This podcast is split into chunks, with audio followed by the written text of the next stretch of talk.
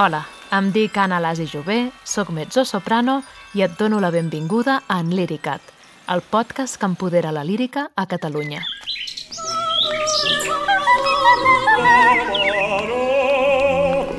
E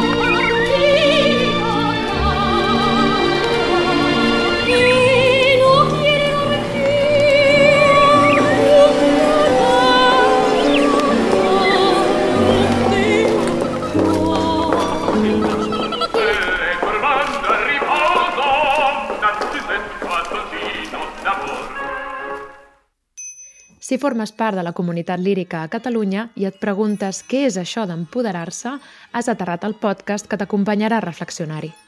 És important que sàpigues que no fa tants anys la comunitat lírica catalana va estar molt empoderada.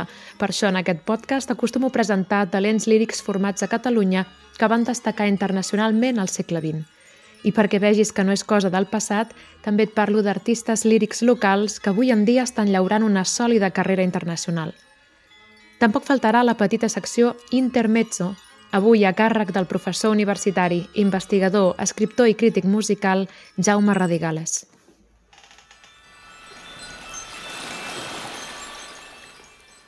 Em considero una cantant amb consciència vers el patrimoni musical català i procuro portar-la a la pràctica proposant repertori d'autores i autors catalans tant a Catalunya com a l'estranger i participant en recuperacions patrimonials tant sobre l'escenari com a l'estudi de gravació. Però si ara em preguntes els noms de cinc compositors d'òpera catalana i cinc títols del segle XX, sóc incapaç de dir-te'ls. I encara menys compositores, evidentment. No me n'amago gens, perquè precisament ho trobo més que simptomàtic. No t'estic dient que m'hagi trobat amb professores i professors incultes. És que, com és normal, oblidem molts detalls dels continguts teòrics que no fem servir habitualment i jo, en tota la meva carrera, només he cantat dues àrees d'òpera catalana d'abans del segle XXI. Dues, i una era en italià. No fa gaire, en un sopar ple de músics catalans, algun d'estranger i persones molt vinculades a la programació musical, un dels comensals li explicava a una de les persones de fora que els compositors catalans havien mostrat molt interès per la cançó, però gairebé gens per l'òpera. Vaig sentir la necessitat d'interrompre aquella afirmació perquè considero important com presentem la nostra cultura a persones de més enllà dels Pirineus, sobretot perquè tendeixen a creure que és de segona, si no de tercera. Vaig compartir amb tots dos interlocutors que el corpus operístic català és quelcom ben real i gens menys preable i que dorm el plàcid son de l'oblit en un calaix. Aquest episodi el vull dedicar, doncs, a recordar-te, insistir-te o descobrir-te que sí, que hi ha òpera catalana i que ens hauria de fer força vergonyeta no mimar-la més. Aquella conversa em va confirmar una vegada més que les persones catalanes som les nostres pitjors enemigues, sobretot perquè tendirem més a creure'ns les mancances de la nostra cultura que dedicar unes hores a descobrir-ne les fortaleses. Sí, som pessimistes de mena, però jo crec que és també perquè és una cultura industrial i comercialment ambiciosa i inexorablement autocrítica. Com a mínim en aquests àmbits, ja ens aniria bé que també fos en altres. Sense autocrítica constructiva no detectes on pots millorar, per tant, no pots sedullar la teva ambició. I si el cervell, per autopreservació, està dissenyat per fixar-se en les coses negatives, la població catalana excel·leix en aquesta qualitat. O sigui que si el pla d'estudis a superior no t'exigeix que preparis cap àrea d'una òpera catalana, si com a melòmana no veus òpera catalana pràcticament programada en lloc i els mitjans de comunicació no fan divulgació d'un corpus català operístic, com a bons catalanets i catalanetes, sumem dos més dos i arribem a la conclusió de que a Catalunya no s'ha escrit un número significatiu d'òperes. Però digue'm, té algun sentit que Catalunya hagi parit o format desenes de les millors veus operístiques del segle XX i que tots els compositors vinculats a la Terra es neguessin sistemàticament a escriure'ls alguna òpera? No, no en té gaire. Però clar, qui sap que exportàvem veus a cabassos arreu del món? Pràcticament ningú. La dictadura de Primo de Rivera i la de Francisco Franco sí que sabem què són. que tant el 1924 com el 1939 es va prohibir la llengua catalana. Durant 32 anys del segle XX, parlar català era delicte i durant 9 anys més va ser mal vist i segurament no exempt de risc. Però no només la nostra llengua. L'ecosistema creatiu, filosòfic i polític va ser perseguit, reprimit o es va exiliar, fins a destruir gran part de les estructures culturals catalanes i dificultar el potencial creatiu i transformador que havien lluït fins ara. Ja que aquest podcast està dedicat a l'empoderament, et sembla una situació gaire empoderant? No, no ho és. A les dictadures només n'hi ha quatre d'empoderats. Però és culpa de la repressió contra el català que no coneguem el nostre corpus de producció operística? Doncs no. La veritat és que la majoria d'òpera catalana està escrita en italià. No sé si dir-n'hi culpa o més aviat la responsabilitat que és nostra, com a comunitat lírica, que hem assumit que quan s'ha estrenat un títol ja no cal reprogramar-lo mai més. Tampoc et diré que totes les òperes del món siguin boníssimes i hagin de passar a formar part del repertori habitual. És físicament impossible. El dia té només 24 hores i tothom ha experimentat que dormir en un pati de butaques és bastant incòmode. Totes les cultures del món descarten gran part de la seva producció creativa amb millors i pitjors criteris, però és natural i precisament és bo per guardar un espai a la nova creació. Ara, ens hauria de saltar l'alarma si a aquestes alçades de la història de Catalunya la comunitat lírica que som cantants, pedagogs, directores musicals i d'escena, programadors i gestores culturals, no hem creat un repertori, en el sentit d'una selecció de títols operístics que representin l'òpera catalana. Amb això no vull dir que cal que algú faci un article en una revista o un llibre o un episodi de podcast enumerant 10 títols. Estic convençuda de que això ja s'ha fet i molt ben fet cal que aquests 10 títols pugin a l'escenari escenificats, de forma cíclica, al llarg dels propers 30 anys. No podem normalitzar que faci vora 150 anys que l'òpera sigui una peça molt destacada de l'activitat musical catalana, que n'haguem exportat talent arreu del món i no mostrem el més mínim interès ni respecte pel nostre propi corpus. Com et deia al primer episodi, per empoderar-te has d'estimar-te – per estimar-te de veritat, t'has de conèixer, identificar els teus punts forts, aquells detalls que et fan única i també aquells altres que creus que poden fer un món millor. Jo opino que amb la cultura passa el mateix. Dur la senyera al canell no té el mateix efecte sobre l'autoestima d'un poble que descobrir, assimilar i exigir tenir a mà la producció cultural de la teva terra. I en la meva opinió, davant les dinàmiques de la globalització i del neoliberalisme, els pobles necessiten autoestima cultural, que no és pas pensar que la teva cultura sigui millor que una altra que també respecti els drets humans. Un poble amb l'autoestima alta té més força interior i més amor per donar el proisme. Té menys por de l'altri perquè sap que teixint aliances internes esdevé més fort. És conscient de les seves fortaleses i de les seves mancances, però sobretot de les seves necessitats – i assoleix la serenor necessària per no acceptar que li siguin negades.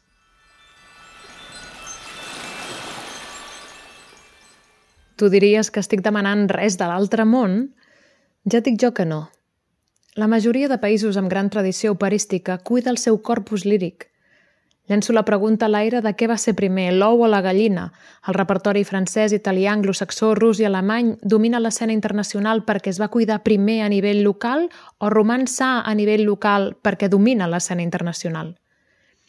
I seria descabellat relacionar aquestes nacionalitats amb grans potències mundials i sanes autoestimes culturals? Jo diria que no. Alemanya, que és l'escena estrangera que conec millor, no només el repertori líric alemany és molt present als principals escenaris operístics del país, sinó que tenen escenaris dedicats exclusivament al gènere de l'opereta, una altra forma de creació lírica nacional.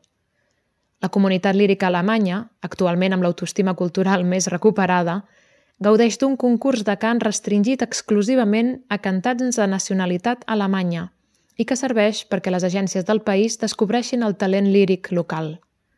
Ves quines coses, eh? Sembla força útil per fer carrera. A més, durant moltes dècades a Alemanya es van traduir els llibrets del repertori líric estranger a l'alemany perquè el públic hi connectés millor.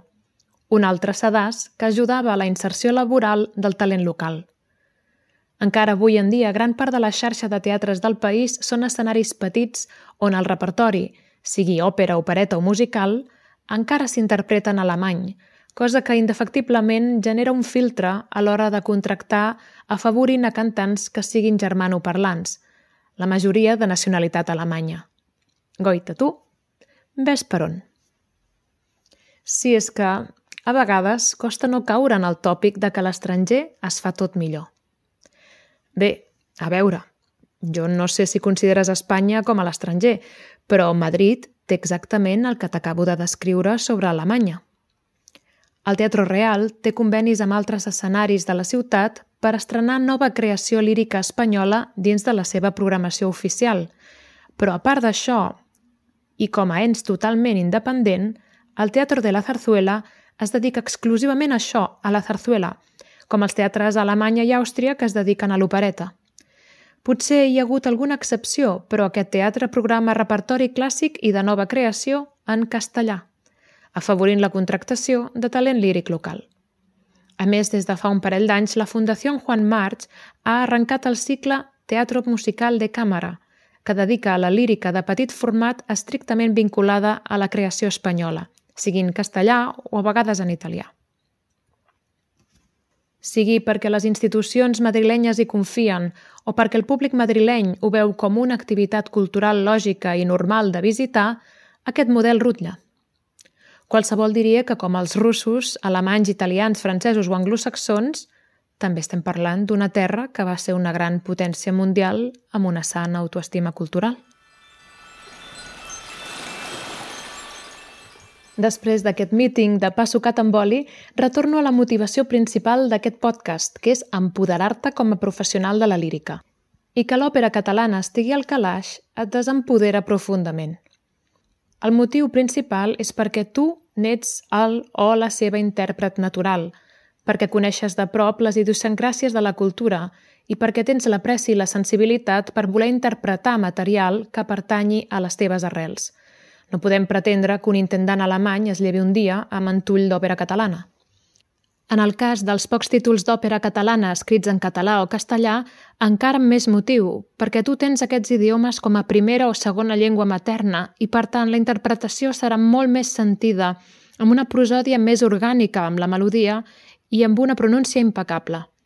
I, finalment, per motius de subsistència, et generaria un espai laboral on gaudir d'una pausa de la competència internacional. Que a Catalunya no hi hagi un escenari destacat, amb prestigi ben situat, que es dediqui al teu repertori natural, és un dels motius pels quals a l'episodi sobre fer carrera et vaig dir que només pel fet d'haver nascut o haver-te format aquí, començaves tres passos per darrere de la resta dels cantants europeus i russos. Estimada melòmana, estimat melòman, he començat aquest episodi ja relatant quina és la teva part de responsabilitat en aquest assumpte tan flagrant de l'òpera catalana. Tots els àmbits de la comunitat lírica, des d'una servidora fins al polític o la política que revisa els números, però no la repercussió sociocultural d'aquella inversió, som responsables d'aquesta vergonya que provoca conseqüències de diversa índole.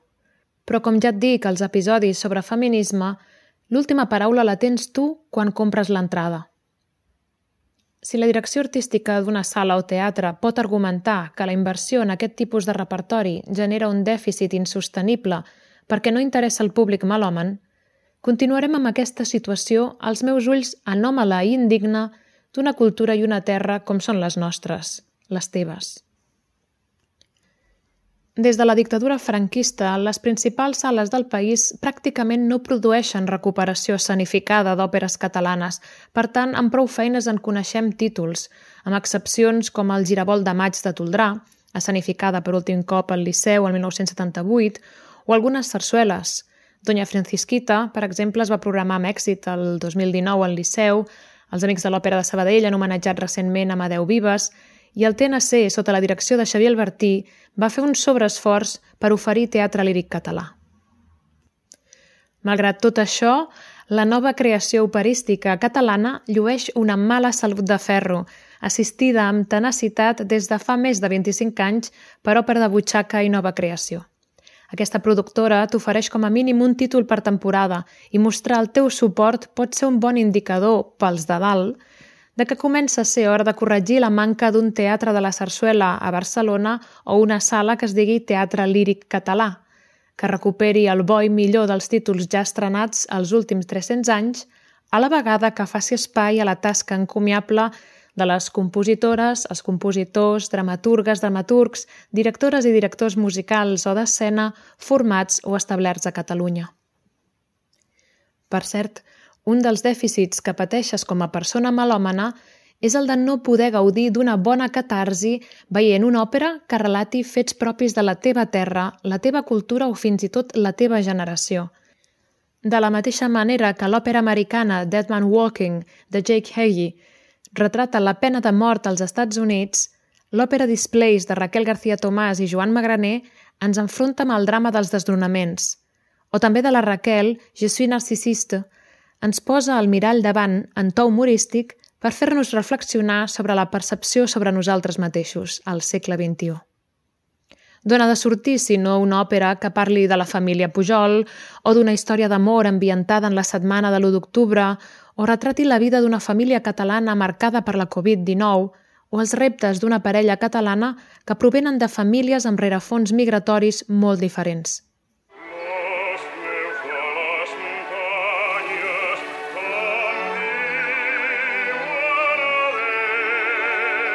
Ha arribat el moment de l'intermezzo d'avui i, com t'avançava, corre a càrrec del professor universitari, investigador, escriptor i crític musical Jaume Radigales.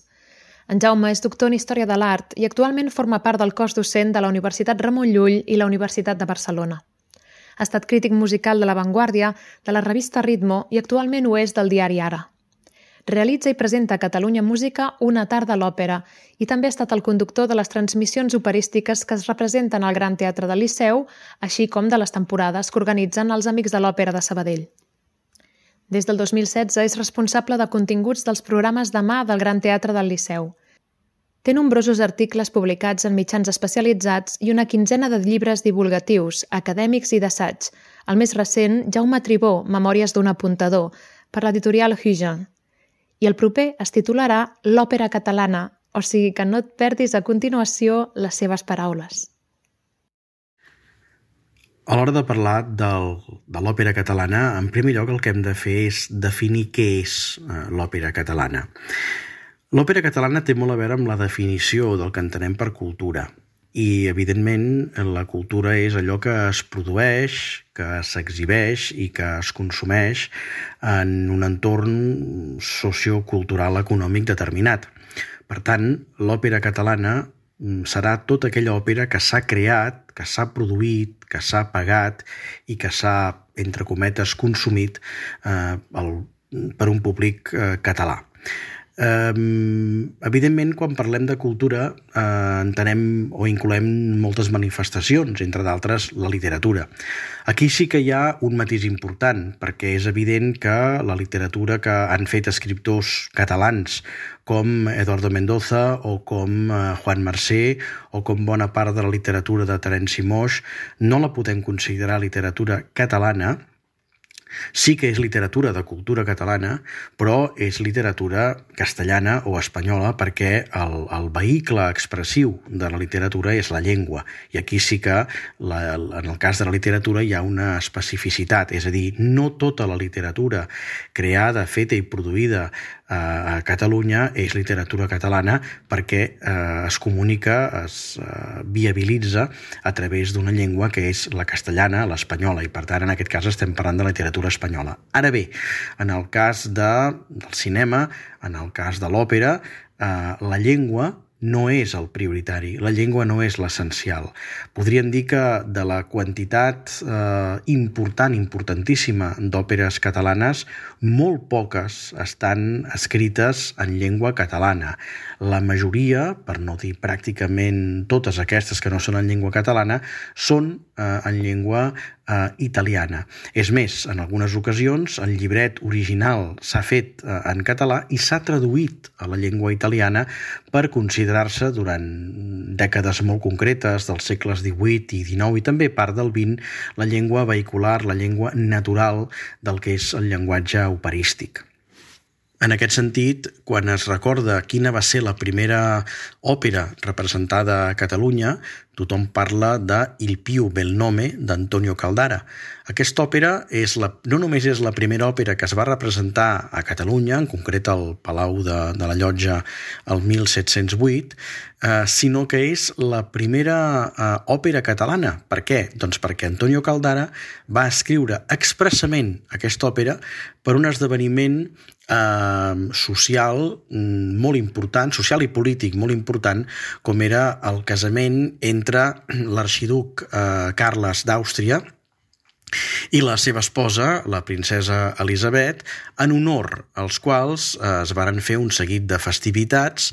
Estem parlant d'un període eh, bèl·lic perquè eh, ja s'ha engegat la, la guerra de, de successió. L'arxiduc eh, Carles reivindica el tron d'Espanya, s'estableix a Barcelona, els catalans són els únics que el, el, el, diguem que el reconeixen com a rei, bé, juntament amb Holanda i Anglaterra. D'aquí també la guerra entre aquestes diverses potències, Holanda, Anglaterra, contra eh, França i, evidentment, també Castella, eh, i eh, a l'entorn de les festivitats del casament de l'arxiduc Carles en plena Guerra de Successió, s'estrena a Barcelona Il più bel nome, que és una òpera que Caldara escriu expressament a Barcelona per al públic assistent, un públic que lògicament era un públic cortesà, va ser una representació privada que va tenir lloc, com deia, al, al Palau de la Llotja de, de Mar. Aquesta és la primera òpera catalana i és una òpera escrita per un compositor italià i, evidentment, en llengua italiana.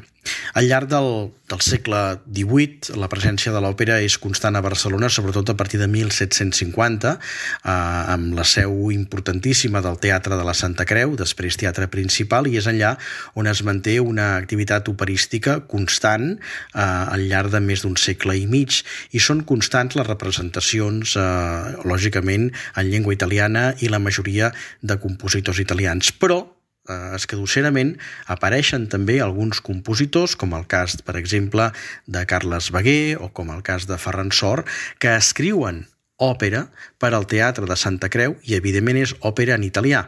Aquests dos autors són autors catalans i fan òpera que s'estrena expressament en aquest teatre. Evidentment, aquí també estem parlant d'òpera catalana.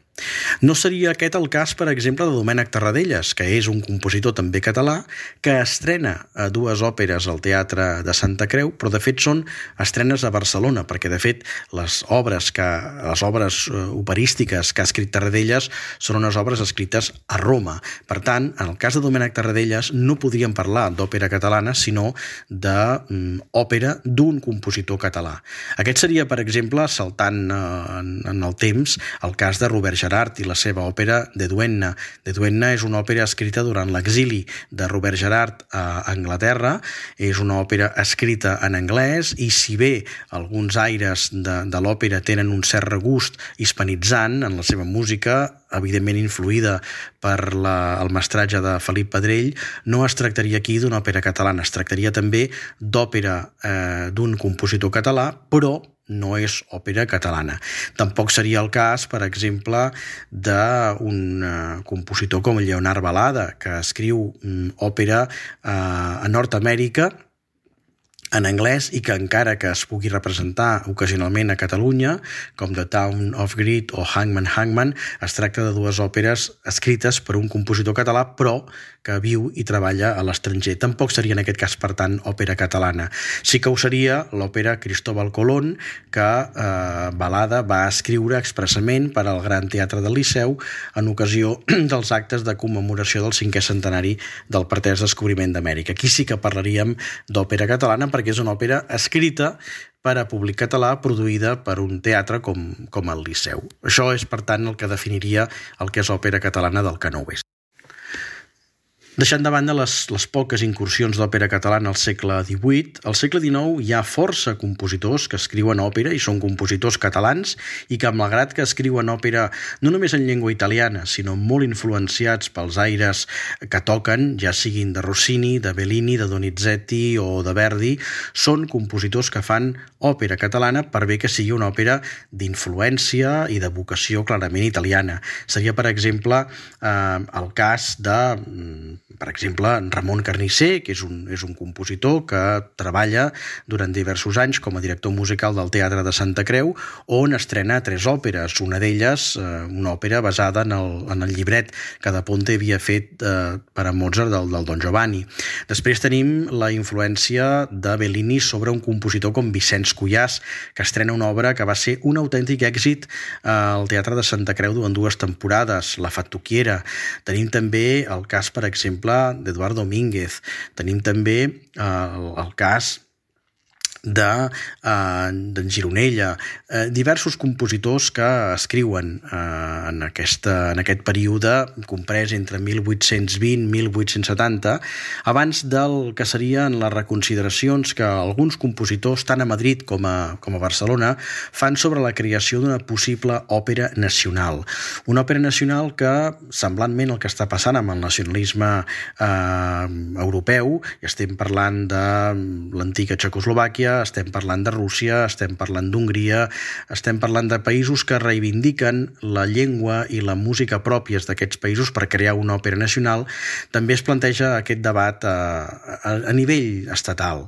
Eh, tant des de Madrid, personatges com, com Breton, personatges com Arrieta, eh, estan parlant de la necessitat de crear una òpera nacional per desempallegar-se de les influències de la cosa italiana.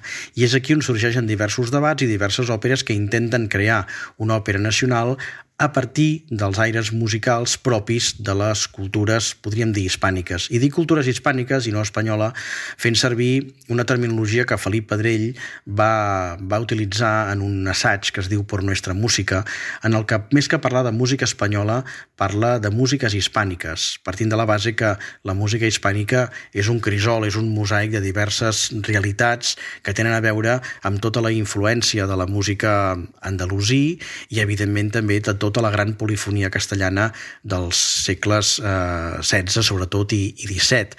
I, per tant, eh, Pedrell crec que és la persona que millor intueix el que podria ser la creació d'una òpera nacional, per bé que eh, ell fa sobretot una òpera nacional molt d'arrel catalana amb algunes de les seves òperes. En particular, una obra que per mi seria fundacional d'una manera de veure una idea nacionalista d'òpera catalana que seria Els Pirineus, que és eh, una òpera basada en un text de Víctor Balaguer que actua una mica com a, com a resposta al Canigó de, de, de Verdaguer, perquè Balaguer opta per una lectura política eh, del que és l'arrel de, l'arrel de Catalunya, mentre que Verdaguer opta per una arrel místico-religiosa del que és Catalunya. Bé, sigui com sigui, Pedrell agafa el text de Balaguer i el converteix en una trilogia, en, en tres parts, eh, en què eh, es pot dir que s'arriba al que podria ser un model possible de seguiment del que és eh, l'òpera catalana. Pedrell, en aquest sentit, amb els Pirineus, crea una manera d'entendre l'òpera catalana que és una manera nova, però l'òpera catalana, mm, com he dit abans, ja procedia de, de lluny. A nivell de quantitat d'obres, de, de partitures, eh, un eh, període extraordinari és el període del, del modernisme, justament arrencant de, de Pedrell i amb figures com Jaume Païssa, com Joan Manent eh, i sobretot com Enric Morera. Enric Morera, a més a més, és l'artífex d'una cosa que teatre líric català i que va comptar, a més a més, amb alguns patrocinadors privats i que en diversos teatres, com el Teatre Principal o com el Teatre Novetats o com el Teatre Tívoli, però també, això incloent el Liceu, varen programar un seguit d'òperes cantades en català, algunes, algunes, algunes es traduïen a l'italià, eh? Uh, i moltes d'elles ja cantades en català, amb uns aires, podríem dir, uh, que remeten al folklore i a la cultura catalana, amb aires, per exemple, de, de sardana o amb la incorporació d'algunes cançons populars i que mm, comptaven amb, amb llibrets de gent com, per exemple, Àngel Guimarà, Santiago Rossinyol, Apeles Mestres, i que tenen en, en Morera, eh, però també en la, en la figura d'Enric de, Granados, eh, algunes de les plomes més importants i també aquests altres compositors molt importants com són Manent i Païssa, que són compositors que a més a més tenen un cert europeisme, perquè tampoc podem oblidar que eh, entre els segles XIX i XX, en la cruïlla d'aquests dos segles, la influència de la música centroeuropea és molt important a Catalunya, especialment la figura de, de Wagner, que encaixa a la perfecció amb els postulats del, del modernisme. I és aquí on trobem una, un seguit d'òperes interessantíssimes eh, que, malgrat tot, dormen el son dels justos en calaixos i armaris de la Biblioteca de Catalunya entre, o en arxius eh, particulars. En aquest sentit, seria molt interessant que institucions com el Palau de la Música o com el Gran Teatre del Liceu eh, fomentessin l'edició i la reexhumació d'aquestes partitures. S'ha fet en alguna ocasió, però penso que massa poc i amb certa desídia perquè s'haurien de recuperar amb tot el que això implica, és a dir, s'haurien de recuperar aquestes òperes escenificar-les i després ja veurien si són obres que valen la pena de seguir mantenint en repertori o que podem seguir descansant. Però com a mínim s'hauria de reivindicar la seva, la seva reexhumació. Són eh, obres que pertanyen a un període interessantíssim que precedeix el noucentisme on trobarem eh, aquesta obra tan singular i tan única i meravellosa com és el Giravolt de maig d'Eduard Toldrà que seria també una altra manera d'entendre l'òpera catalana, però des dels postulats propis del noucentisme. Això vol dir l'equilibri, la simetria, el retorn a una certa lluminositat mediterrània i amb uns aires neoclàssics que en algunes ocasions poden remetre fins i tot, encara que lògicament de lluny, a l'esperit, per exemple, d'unes noces de Figaro de, de Mozart. La nit de la postguerra doncs, va comportar una, una aturada eh, aparent del que és la, la creació del que seria cultura catalana, malgrat que hi ha també creacions importants, com les tres òperes de Xavier Montsalvatge, El gato con botas, Una botxa in off i Babel 46, que són obres també que representen, d'alguna manera, la traducció operística de l'ideari de Montsalvatge a un llenguatge que no era el seu més, el, el més habitual del compositor gironí, però que són aportacions també mm, interessants. I ja quan entraríem als anys 70 trobaríem aquestes òperes amb criteris de d'avantguarda de Josep Soler, algunes de les quals estrenades a Catalunya i per tant són òperes catalanes, com seria el cas, per exemple, d'Èdip i Jocasta, o també òperes que mm, es van, eh, van, van costar bastant que s'estrenessin però que finalment es van estrenar de compositors com Joan Guinjoan, que és l'autor de, de Gaudí, o Xavier Bengarel, que va fer el llibre vermell, o també eh, Esplin, a més de la seva última òpera, que és eh, Ió Dalí. Jo en aquests moments estic eh, redactant un, un llibre eh, que es dirà precisament l'òpera catalana, eh, on intento fer història del que ha estat eh, els títols mm, els títols que s'han estrenat eh, d'autors catalans a Catalunya, eh, títols també d'algun eh, estranger que també han estrenat òpera a Catalunya i també aquesta definició del que és òpera catalana. Però posats a història historificar o a historiar, un sempre de posar eh, el, el, diguem, el, el calendari o el, o el cronòmetre eh, amb una periodització determinada, cosa que de vegades és molt difícil i, i, i molt discutible. Però, sens dubte, per mi hi ha un any clau eh, que representa els últims 30 anys de, de creació d'òpera catalana, que és el 1992. És l'any en què Carles Santos estrena Esdrúbila al Teatre Tívoli, mm, just en el període de les, de les Olimpíades. I res, aquella mateixa tardor eh, comencen, arrenquen al Teatre Malic, que és un teatre que hi havia al Born, eh, el teatre més petit en aquell moment de, de Barcelona i de Catalunya, que és un teatre on feien titelles i on eh, es van programar eh, una sèrie de representacions a cicles d'òpera de butxaca. Eh, això va ser molt important perquè, a banda d'algunes òperes de cambra de compositors com eh, Paisiello, Chimarosa, etc., eh, es va fomentar molt la creació d'òpera catalana i per tant d'autors catalans eh, on vàrem a partir d'aquí descobrir doncs, eh, obres d'autors com Manuel García Morante, Eduardo Diago, Joan Albert Amargós i tot això va anar tenint una evolució perquè això d'òpera de butxaca es va acabar ampliant a òpera de butxaca i nova creació i va ampliar eh, horitzons i va ampliar també espais. Del Teatre Malic varen passar espais com el Mercat de les Flors, espais com el Centre de Cultura Contemporània, la Capella de Sant Àgueda i aquí varen varen poder assistir a estrenes d'obres d'en de, Xavier Pagès, d'Agustí Charles, recentment de Raquel García Tomàs i de Joan Magraner i tot això va donar peu a una riquesa extraordinària de llenguatges, a una riquesa extraordinària també de registres, de llenguatges, de noves maneres d'entendre l'òpera fora dels circuits, podríem dir, oficials, llegeixis Gran Teatre del Liceu o d'altres grans equipaments, de manera que es va poder veure que sí, que es podia fer, per exemple, una òpera a la sala de dissecció de l'antic Col·legi de, de Metges de Barcelona, que es podia fer òpera en un espai com eh, els, el mateix Centre de Cultura Contemporània, com la Capella dels Àngels, eh, com el Centre d'Art Santa Mònica. Per tant, aquest tipus de nou repertori desafia també el que és l'espai natural del que és l'òpera, que és un teatre. Doncs bé, eh, òpera de butxaca i nova nova creació eh, ens permet també obrir el taló, mai millor dit, en espais eh, aparentment no operístics. I a més a més això, repeteixo, incentiva el treball de, de diversos compositors, compositors veterans o compositors de nova fornada que poden, eh, evidentment, doncs, estar al costat d'altres compositors ja consagrats, com poden ser eh, Albert García de Mestres, que té una producció operística important, de Benet Casablanques, que és l'autor de l'Enigma de Lea, que es va estrenar al Gran Teatre del Liceu eh, i, per tant, de veure que la tradició continua tant des de criteris, podríem dir, més, eh, més clàssics ortodoxos com també des de criteris d'avantguarda. Per tant, l'òpera catalana ha existit, existeix i existirà mentre hi hagi un sistema de producció que permeti que a Catalunya s'estrenin òperes d'autors catalans o d'autors estrangers, sigui en llengua catalana o sigui en la llengua que sigui.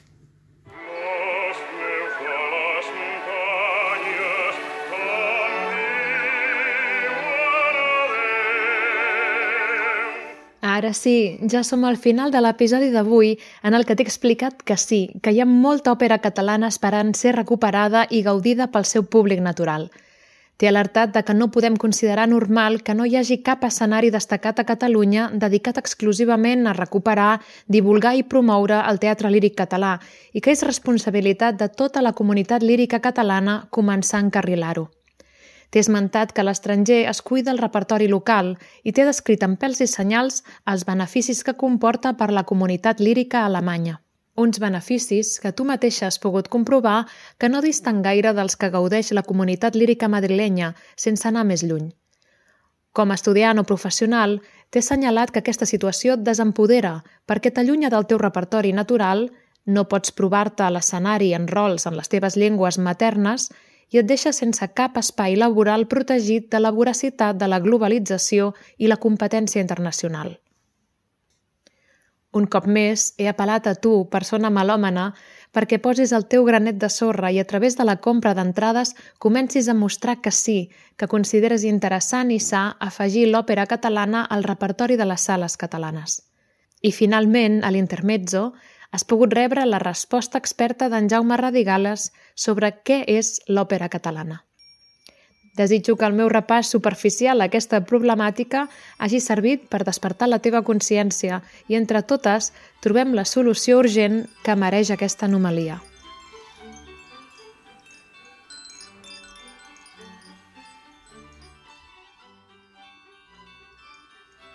liri.cat trobaràs enllaços a tots els episodis d'en Liricat, però també material addicional relacionat amb el contingut de cada episodi i tindràs la possibilitat de subscriure't al butlletí del podcast per no perdre't cap novetat.